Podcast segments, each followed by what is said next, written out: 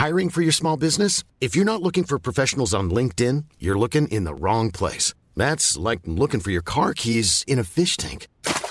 LinkedIn helps you hire professionals you can't find anywhere else, even those who aren't actively searching for a new job but might be open to the perfect role. In a given month, over 70% of LinkedIn users don't even visit other leading job sites. So start looking in the right place. With LinkedIn, you can hire professionals like a professional. Post your free job on linkedin.com slash people today. Wow. Nice. Yeah. What you're hearing are the sounds of people everywhere putting on Bombas socks, underwear, and t-shirts made from absurdly soft materials that feel like plush clouds. Yeah, that plush. And the best part? For every item you purchase, Bombas donates another to someone facing homelessness. Bombas. Big comfort for everyone. Go to bombas.com slash ACAST and use code ACAST for 20% off your first purchase. That's bombas.com slash ACAST. Code ACAST.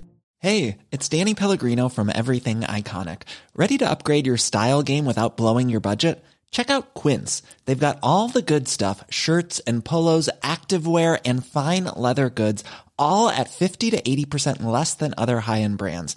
And the best part? They're all about safe, ethical, and responsible manufacturing. Get that luxury vibe without the luxury price tag. Hit up quince.com slash upgrade for free shipping and 365 day returns on your next order. That's quince.com slash upgrade.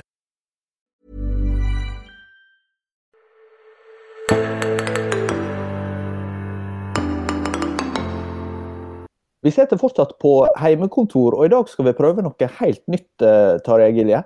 Eh, Det er rett og slett å ha med en ekstern gjest, samtidig som du sitter i din heim og jeg sitter i min. Ja, altså Espen Ottosen, som er til daglig informasjonsleder i Norsk Luthersk Misjonsforbund og nå fungerende generalsekretær i noen timer til, han eh, viste vei her i sin egen podkast i forrige uke. Da hadde de med seg gjester fra jeg tror de var fra tre forskjellige land til og med, som var med i samme sendingen. Så vi, vi lærer av Misjonssambandet. Ja. Jeg heter for øvrig Tore Hjalmar Sævik, det jeg glemte å nevne. Det er alltid høflig å presentere seg sjøl, så det er det vi har prøvd å, å stramme oss litt opp på. Men eh, velkommen til deg, Espen Ottosen. Det er første gang du er med her hos oss, og det er jo på høy tid. Ja, det skal jeg ikke mene så mye om, men hjertelig takk. Eh, jeg har sett frem til å være sammen med dere. Og så må jeg selvfølgelig kaste meg over en korrigering med en gang, for vi hadde gjester fra tre ulike lokasjoner. Men eh, to av dem satt egentlig bare med en kilometers mellomrom, så vi kan nok ikke si at det var tre land. Men det var Mongolia og Grünerløkka og Ensjø her i Ja, Så Generalsekretæren var kommet hjem fra USA, altså? Han var rett og slett kommet hjem okay, fra USA, okay. Ja, men gikk rett i karantene. Ja, ja. Denne veka ble det kjent at eh, generalsekretær Anne Birgitta Langmoen Kvelland i Nordmisjon vil gå av ved årsskiftet. og eh, Dermed så eh, blir det jo behov for å rekruttere en ny generalsekretær. Siden du er fungerende generalsekretær nå, Espen, kan du si noe om hva en sånn jobb innebærer? Oi, ja det kan jeg jo for så vidt eh, prøve på. Eh, Sånn helt generelt selvfølgelig, for jeg tror ikke jeg skal melde meg inn i diskusjonen internt i Nordmisjonen om, om hvordan de skal gå fram nå for å rekruttere en ny. Men jeg tenker jo at det er en utrolig variert stilling. eh, Og, og det betyr nok også at det sikkert er litt ulike tradisjoner ifra eh, organisasjon til organisasjon, men kanskje også egentlig fra generalsekretær til generalsekretær, hva man legger vekt på. Eh, For jeg tenker det er i hvert fall sånn tre-fire ting som er veldig sentralt.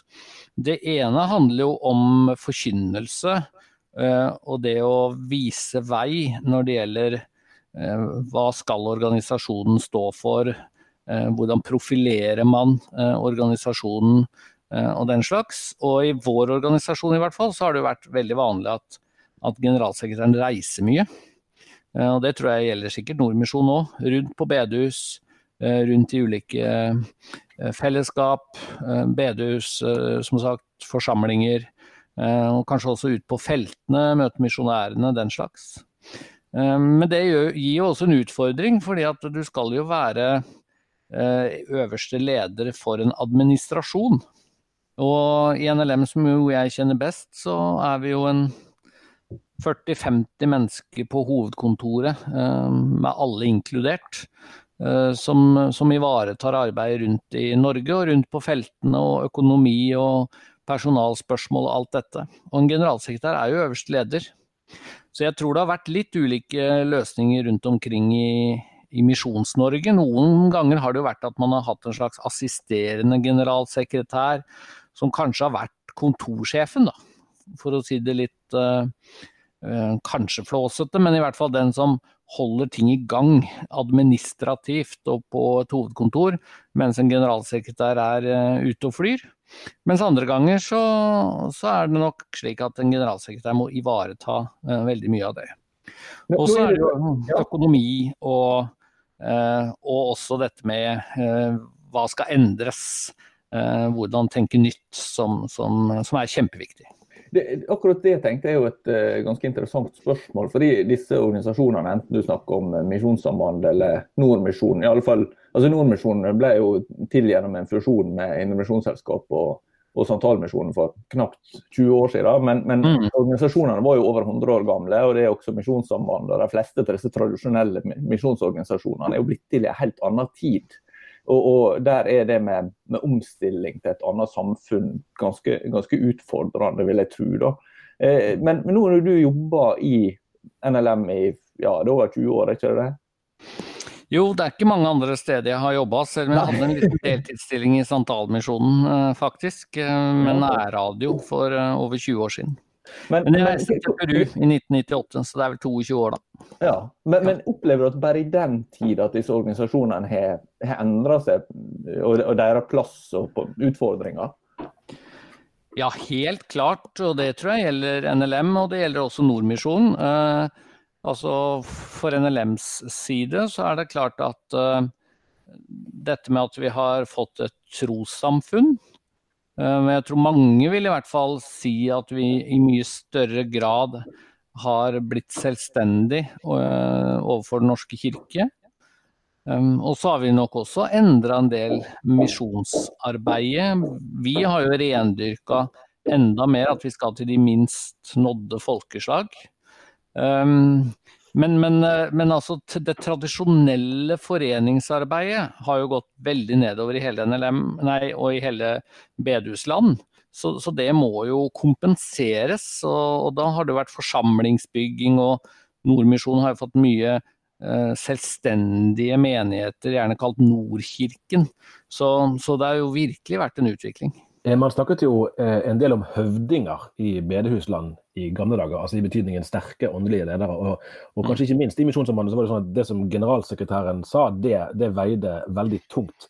Eh, I dag vil man jo kanskje ofte se etter fagkompetanse, ledelsesfaglig kompetanse, økonomisk kompetanse, strategisk kompetanse, og òg i lys av de endringene og utfordringene som, som, er.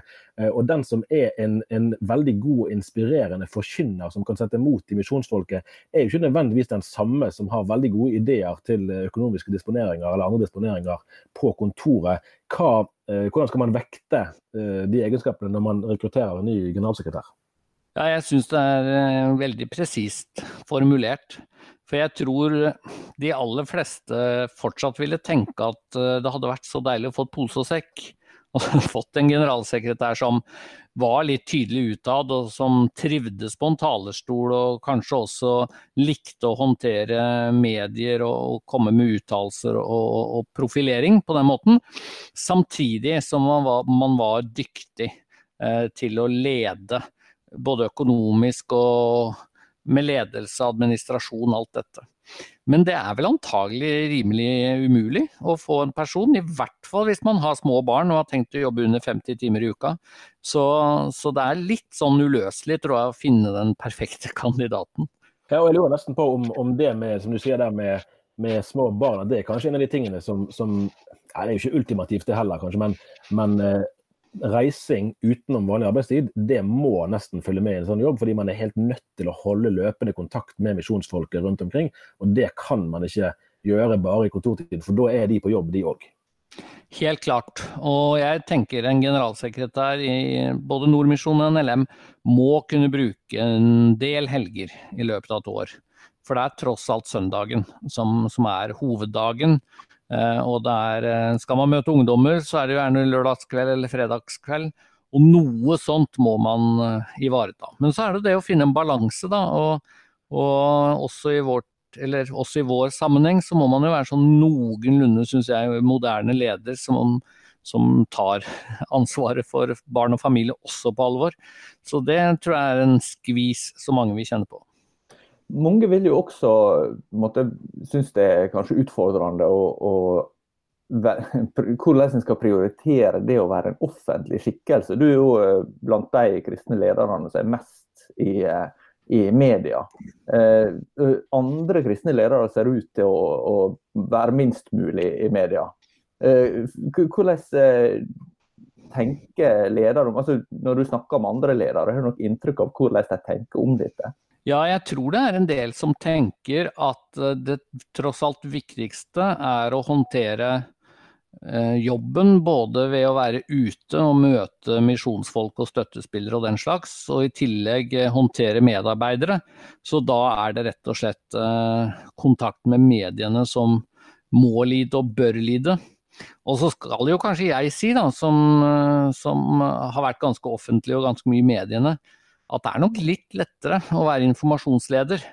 Eh, jeg tror ikke mine ord veier fullt så tungt som hvis jeg hadde hatt generalsekretær i tittelen. Så, så, jeg tror jeg har en litt friere rolle enn, enn jeg ville hatt eh, som generalsekretær.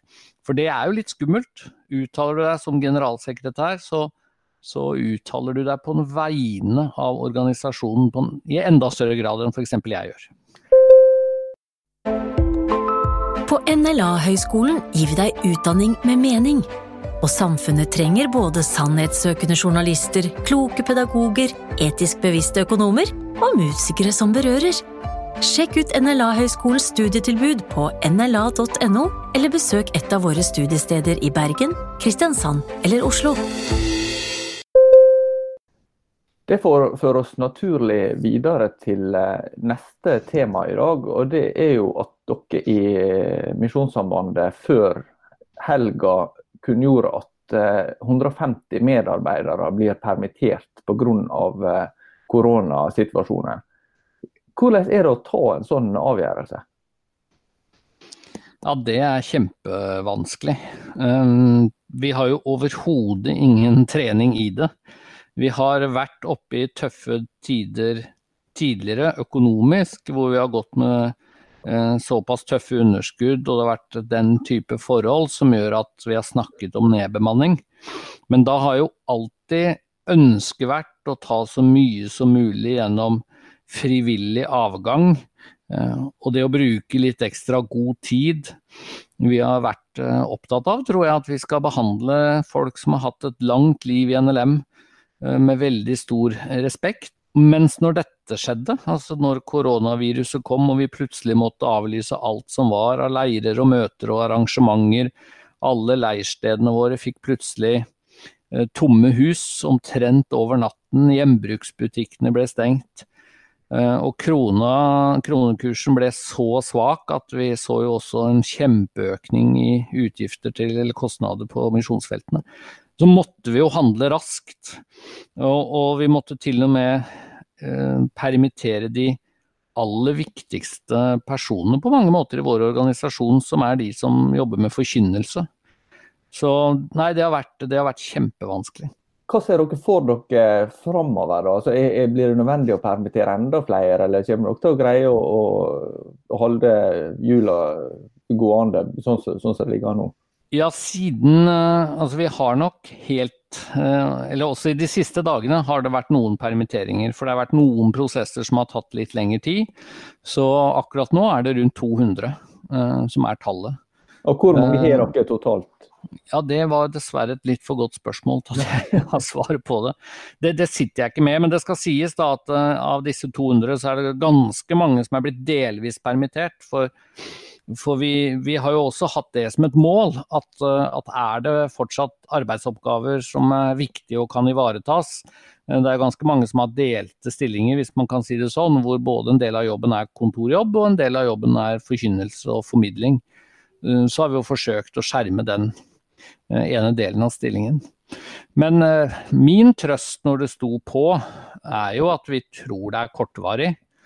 Men samtidig så er det jo ingen som vet. Og jeg syns jo at det å følge med i mediene og Dagsrevyen hver dag og sånn fra dag til dag er jo litt kaotisk. I det ene øyeblikket så sier eh, myndighetene at kanskje letter vi litt opp etter påske, og i det neste øyeblikket så sier Folkehelseinstituttet at vi må belage oss på tiltak i ett og et halvt år. Så det er utrolig vanskelig å vite. Hva konsekvenser får dette for arbeidet deres? Ja, Det er jo veldig synlig. Eh, fordi alt av leirer, f.eks. nå i påsken, er jo for lengst avlyst. Eh, og alle leirsteder og alle som driver med utleie, og det er ganske mange som driver med utleie hos oss. For det er ganske mange forsamlingshus i tillegg til leirsteder som har ulike former for utleie. Alt det er jo bare blitt borte, og det er jo slutt på, på gudstjenester og møter uh, rundt omkring pga. disse strenge retningslinjene. Så det er jo det som er grunnen. Vi prøver å veie opp for noe av dette ved, å, ved at det er noe streaming av gudstjenester og noen digitale initiativ. Men, eh, men, det er ikke nok til at vi kunne si at, at eh, de som nå eh, ble permittert, isteden kunne gjøre alt mulig annet. For det, det, det blir noe helt annet, dessverre.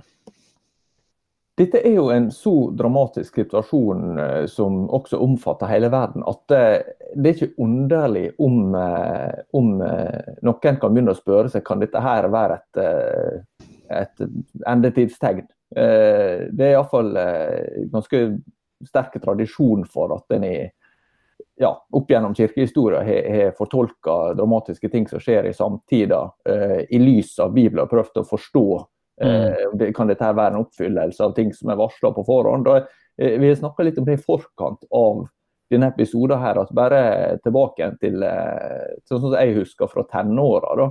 At det var jo debatter som gikk om alt fra EU-medlemskap e til Oslo-avtale med fredsforhandlinger i Midtøsten til, til ja, satanisme som mye, fikk mye oppmerksomhet rundt kirkebrenning og sånn tidlig på 90-tallet. Og en hadde USA sikte krig mot Irak eh, ja, i to runder, faktisk.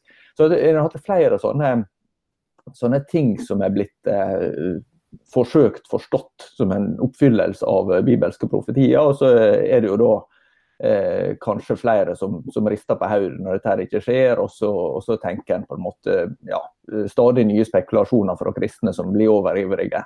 Mm. Eh, hva, hva, tenker du om, om, forholdet der mellom det å være måte, våken og, og eh, lese seg samtidig, og samtidig ikke bli spekulativ? Ja, jeg er nok eh, for min egen del redd for å være for tilbakeholden. Eh, for jeg tenker det er viktig å være våken eh, og følge med på utviklingen. Eh, samtidig så, så tror jeg at jeg selv velger å være veldig tilbakeholdende og veldig redd for å oppfattes som spekulativ. Og det handler nok også om, om redselen for å være nærsynt. At når ting står på, så så er det veldig lett å tenke at uh, altså, akkurat den tida vi lever i nå, akkurat det som skjer nå, det er på en måte det viktigste som har skjedd. Det er så annerledes. Mens det, det er så utrolig mange eksempler på kristne som, som har spekulert for mye og tatt feil. Uh, så, så, jeg er nok redd for at det er det som blir uh, min grøft å gå i, da. Er det, en, er det en endring, eller det er det vel for så vidt, jeg lurer på hvor stor endringen er i, i det å koble uh, Guds, uh, Guds, styrelse da, sammen med det som skjer. F.eks. har vi lest om, om, når krigen, altså når andre verdenskrig kom til Norge, så var det jo etablerte kristelige som kunne snakke om at dette er Guds tukt, da nærmest, altså Guds, eller som maner oss til, til omvendelse. Ja. og at, sånn at Gud har en, en, finger med i spillet på en eller annen måte i det som skjer. Eh, hvordan, hvordan, eh, altså I dag er det vel veldig få som, som overhodet tenker i de baner? Ja, jeg tror jeg tenker at det er jo egentlig enklere å forsvare sånn rent bibelsk. At når det skjer en tragedie eller når det skjer noe veldig alvorlig, så skal vi spørre oss eh, er det Gud som roper høyt for å få oss i tale. Er, kan dette forstås som ja, Guds tukt eller Guds straffedom? Um, jeg, har egentlig ikke noe stort problem med det så lenge det blir formulert som et spørsmål, og så lenge det blir uh, et tydelig vi. Altså er dette Guds tale til oss? For det er jo det som jeg kanskje reagerer litt på innimellom, når uh, folk uh, av og til kobler Eh, den type tragiske hendelser til et eller annet som har skjedd, skjedd, i politikken eller et eller annet slikt, hvor det virker som at det er alltid noen andre. Altså det kan være Arbeiderpartiet eller en rød-grønn regjering, eller for den saks skyld en blå regjering, eller, eller de som uh, gikk inn for abortloven, eller Det er alltid de Gud uh, sender sin straffedom imot, mens, mens kristne har, har på en måte ingenting å eh, anklage seg selv for, eller bli anklaget for. For, for eh, jeg tenker i hvert fall at det kan jo hende Gud sender dette, eller i hvert fall eh, ikke stanser det. Nå skal man være utrolig forsiktig da, på hvordan man formulerer seg, men, men at, at, Gud ja, vil kalle oss til omvendelse, vil minne oss om at uh, livet er skjørt. Eh, og at det selv det å leve i verdens rikeste land eh, ikke er noen garanti for at eh, livet går på skinner til man er 95. Ser du noen, noen forskjell her i ulike altså Du har jo tidligere skrevet en del om det som vi kaller for herlighetsteologi. Eh, altså der, ser du hangen til, eller tilbøyeligheten da, til å lese lese Gud inn i, i, i, virkeligheten her på en eller annen måte. Er den forskjellig fordelt i ulike miljøer? Og, og da lurer jeg òg på i den forbindelse altså, eh, Frykt opp mot tillit til Gud. Mm, mm. Hva slags eh, reaksjoner er det vi ser mest av? Jeg tror en del sånne teologiske skillelinjer går litt på kryss og tvers, og kanskje også at uh, de teologiske grøftene er flere, da. Altså i dette tilfellet så så tror jeg det er en grøft både å si at uh, dette er Guds straffedom, punktum, og særlig hvis man uh, forklarer at det Gud her uh, ville gi beskjed om, det er at verden har gjort, gjort, et eller annet helt spesifikt feil på et eller annet tidspunkt. Det har jo vært en del eksempler når denne tsunamien skylte innover Eh, Indonesia bl.a., eh, så var det jo spekulasjoner på om blir nå disse landene ekstra hardt rammet fordi de har vendt Gud ryggen, eller fordi det er mye hedenskap der. Og når Utøya rammet, så har vi jo spekulasjoner om var det fordi norsk regjering hadde eh, vært så negative til Israel, eller et eller annet. Akkurat nå står vi overfor en global pandemi, og da blir jo kanskje spørsmålet om om det er hele eh, verden som har snudd ryggen til Gud. Og det, det, er det jo mye lettere å si enn at man skal prøve å lage en sånn løsning for hvorfor skjedde dette akkurat der eller her. Um, mens den karismatiske spekulasjonen veldig ofte går på at, at mer av ansvaret gis til djevelen, da, til uh, Satan på et eller annet vis. Uh, og jeg tenker det er, det er, en slags grøft begge deler. Både at man kan gjøre Gud nesten om, for Gud sender på en måte grusomme ting fordi ja, kan, kan, hvordan unngår vi at det i hvert fall fremstår som om Gud ikke er god? Men også motsatt. Uh, hvordan unngår vi at Gud står fram som en helt uten kontroll, hvor Satan får lov å herje akkurat som han vil? Det er ganske store spørsmål. Jeg mener å gjøre en observasjon til at eh, kristne ser ut jevnt over til mye mer forsiktige eller varsomme med å snakke om endetida. Mer er det nå nesten miljøbevegelsen som, eh, som eh, skriver sterkest om på en måte at verden eh, kan, kan, gå mot en slutt, hvis ikke vi, vi endrer atferd. Er det en observasjon som gir mening i dine ører? Ja, det tror jeg du har helt rett i. Og jeg tror det også handler om at man har brent seg litt. Nå fortalte jo du om litt av det du opplevde som tenåring, og jeg er jo litt eldre, så jeg husker jo kanskje særlig Tsjernobyl. Ja. Jeg tror det var i 1986. Stemmer. Da var jeg 15 år. Og jeg husker fortsatt at vi var på en eller annen leir, og det var en eller annen som mente at ordet Tsjernobyl, i hvert fall hvis man oversatte det på et eller annet vis eller eh, et eller annet eh, Plutselig fant man noe i åpenbaringen. Ja, det var at det betydde malurt. Ja, stemmer det var det.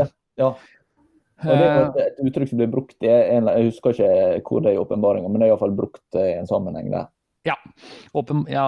og det husker jeg veldig godt, og det gjorde et kjempeinntrykk på meg som, som 15-åring. Men jeg skal jo innrømme at når jeg nå ser tilbake på det, så tenker jeg at uh, dette ble jo litt for spekulativt. Og, og, det verste av alt er at det kan jo føre folk bort fra troen også. Eh, hvis man på en måte lager et skjema som man er helt sikker på at får alt til å gå opp, og så stemmer det ikke. Jeg husker jo det med Så jeg også kom over litt senere i tenåra. En slags en matematiker som angivelig hadde funnet sånne tallmønster i Gamle testamentet, der du kunne finne skjulte koder. og Jeg vet ikke om det var noe du, du også kom borti. Men, men det var jo et sånn eksempel på, på en, en apologitikk eller et, et trosforsvar som virka bare sånn overveldende og overbevisende. Sånn. Og så viste det seg at det var nok ikke fullt så enkelt. og da kan det slå veldig tilbake igjen. Eh, jeg har også lest noe nylig en bok om eh, første verdenskrig, der, det var veldig utbredt eh, å forstå dette her i sånn endetidsperspektiv. Da, og nærmest en sånn hellig krig fra eh, ja, både tysk og britisk og russisk til og med fransk perspektiv, selv om Frankrike har blitt veldig sekularisert av det, så var det veldig sånn ja, religiøse overtoner i det. da. Så, sånn at og jeg har eh, sett et eller annet på Facebook nå nylig også, hvor det er en eller annen som sier at hvis du oversetter korona til hebraisk, så får du et eller annet veldig viktig da, fram. Ja, nettopp. ja, det var vel egentlig en god, en god, eh, veiledning, som du sa i sted, Espen. og det er vel er det, er det Nehemia eller Daniel, eller kanskje begge to i Det gamle testamentet, som, som bruker formuleringen 'jeg og mitt folk har syndet'. Altså ja. at, eh, at, man regner seg sjøl eh, med i det kollektivet som eventuelt er utsatt for en ja, hva det måtte være, som, som, da skulle kunne mane til omvendelse. Og enten vi, vi fortolker uh, Guds medvirkning eller Guds aksept, eller hva vi skal si, sånn eller sånn, så, så er jo anledningen og behovet for omvendelse alltid til stede, men da som et vi, ikke som mm. et de. Og så tenker jeg sjøl på ofte at, at, vi kan være litt sånn selektive når vi finner tekster som skal snakke om endetiden. Uh, F.eks. i 2. Timoteus brev 3 så har du jo denne formuleringen fra Paulus. Men dette skal du vite, at i de siste dager skal det komme vanskelige tider. Og da forventer vi kanskje at uh, fortsettelsen skal handle om et eller annet dramatisk som skal skje, men fortsettelsen er følgende for menneskene skal da være egenkjærlige, pengekjære, skrytende, overmodige, spottende, ulydige mot foreldre. Og så kommer det en lang eh, rekke med ting som kjennetegner menneskene i de siste tider. Og for meg er det en liten sånn påminnelse om at ja, men til en viss grad så har jo mennesker alltid vært sånn. Altså Til en viss grad så beskrev nok dette også mennesker på Paulus sin tid. Uh, og det er noe med at vi, vi, vi, har egentlig levd i de siste tider i 2000 år. Uh, men nå lever vi i de aller siste tider. Men, men dette, det å finne denne svaret på hvor overgangen går, da. Mellom de siste tider og de aller siste tider og de aller, aller siste tidene, det, det vet vi egentlig ikke. Og, og jeg har ofte sagt til meg selv når jeg tenker over dette også, at hadde jeg levd i 1941 så hadde jeg jo trodd at Hitler var antikrist. Altså, det hadde jeg nok tenkt at det var en no-brainer å, å, konkludere med det. Så, så, det er en påminnelse om at, eh, at, det er veldig vanskelig for oss mennesker å, å kunne tolke verden rett. Men, hva tenker du om, om forholdet mellom det å være, være spekulativ og det å være sløv? Eh, for, for, for en, en, kan jo på ett vis da eh, smile litt overbærende eller riste på hodet av de som har bomma før, og så tenke at dette er håpløst for, for mennesker å, å, gi seg inn på. Eh, men på andre sida så er det noe med, med Bibelens oppfordring om å, om å være våken og, og, og forstå sin samtid. Ja, men jeg tenker når Jesus har sagt at uh, ingen vet timen, så er det i hvert fall en påminnelse om at uh, det som fins i Bibelen om endetidstegn, det er ikke gitt oss for at vi skal regne uh, oss fram til når dette skjer, og være helt sikre på, på Guds timeplan.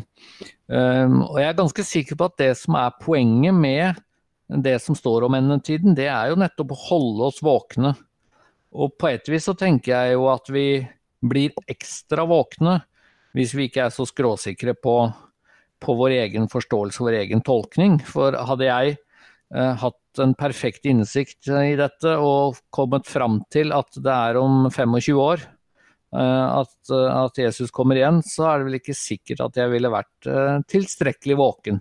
Det er lettere å være våken hvis usikkerheten i hvert fall ligger der til en, annen, til en viss grad. da. Det får kanskje være ord til eh, ettertanke mot slutten. For nå er det sånn at eh, Espen Ottosen skal i eh, hovedstyremøte i Misjonssambandet om noen timer. Da, skal, da er Øyvind Aasland sin studiepermisjon offisielt slutt, og han tar over vakten. Ikke det riktig, Espen? Jo, det skal bli veldig fint. Øyvind har vært ganske mye tilgjengelig og ganske mye på jobb nå, men han har vært i karantene siden han kom fra, fra USA. Men nå slipper han snart, snart ut, og så håper vi jo at han ikke helt har glemt hvordan han oppfører seg blant folk da, etter å ha sittet i karantene i 14 dager. Men jeg skal passe litt på han når jeg nå møter han. Det går bra. Skal vi si det sånn, Jørgen? Ja, vi eh, høres igjen neste uke. Ha det bra så lenge.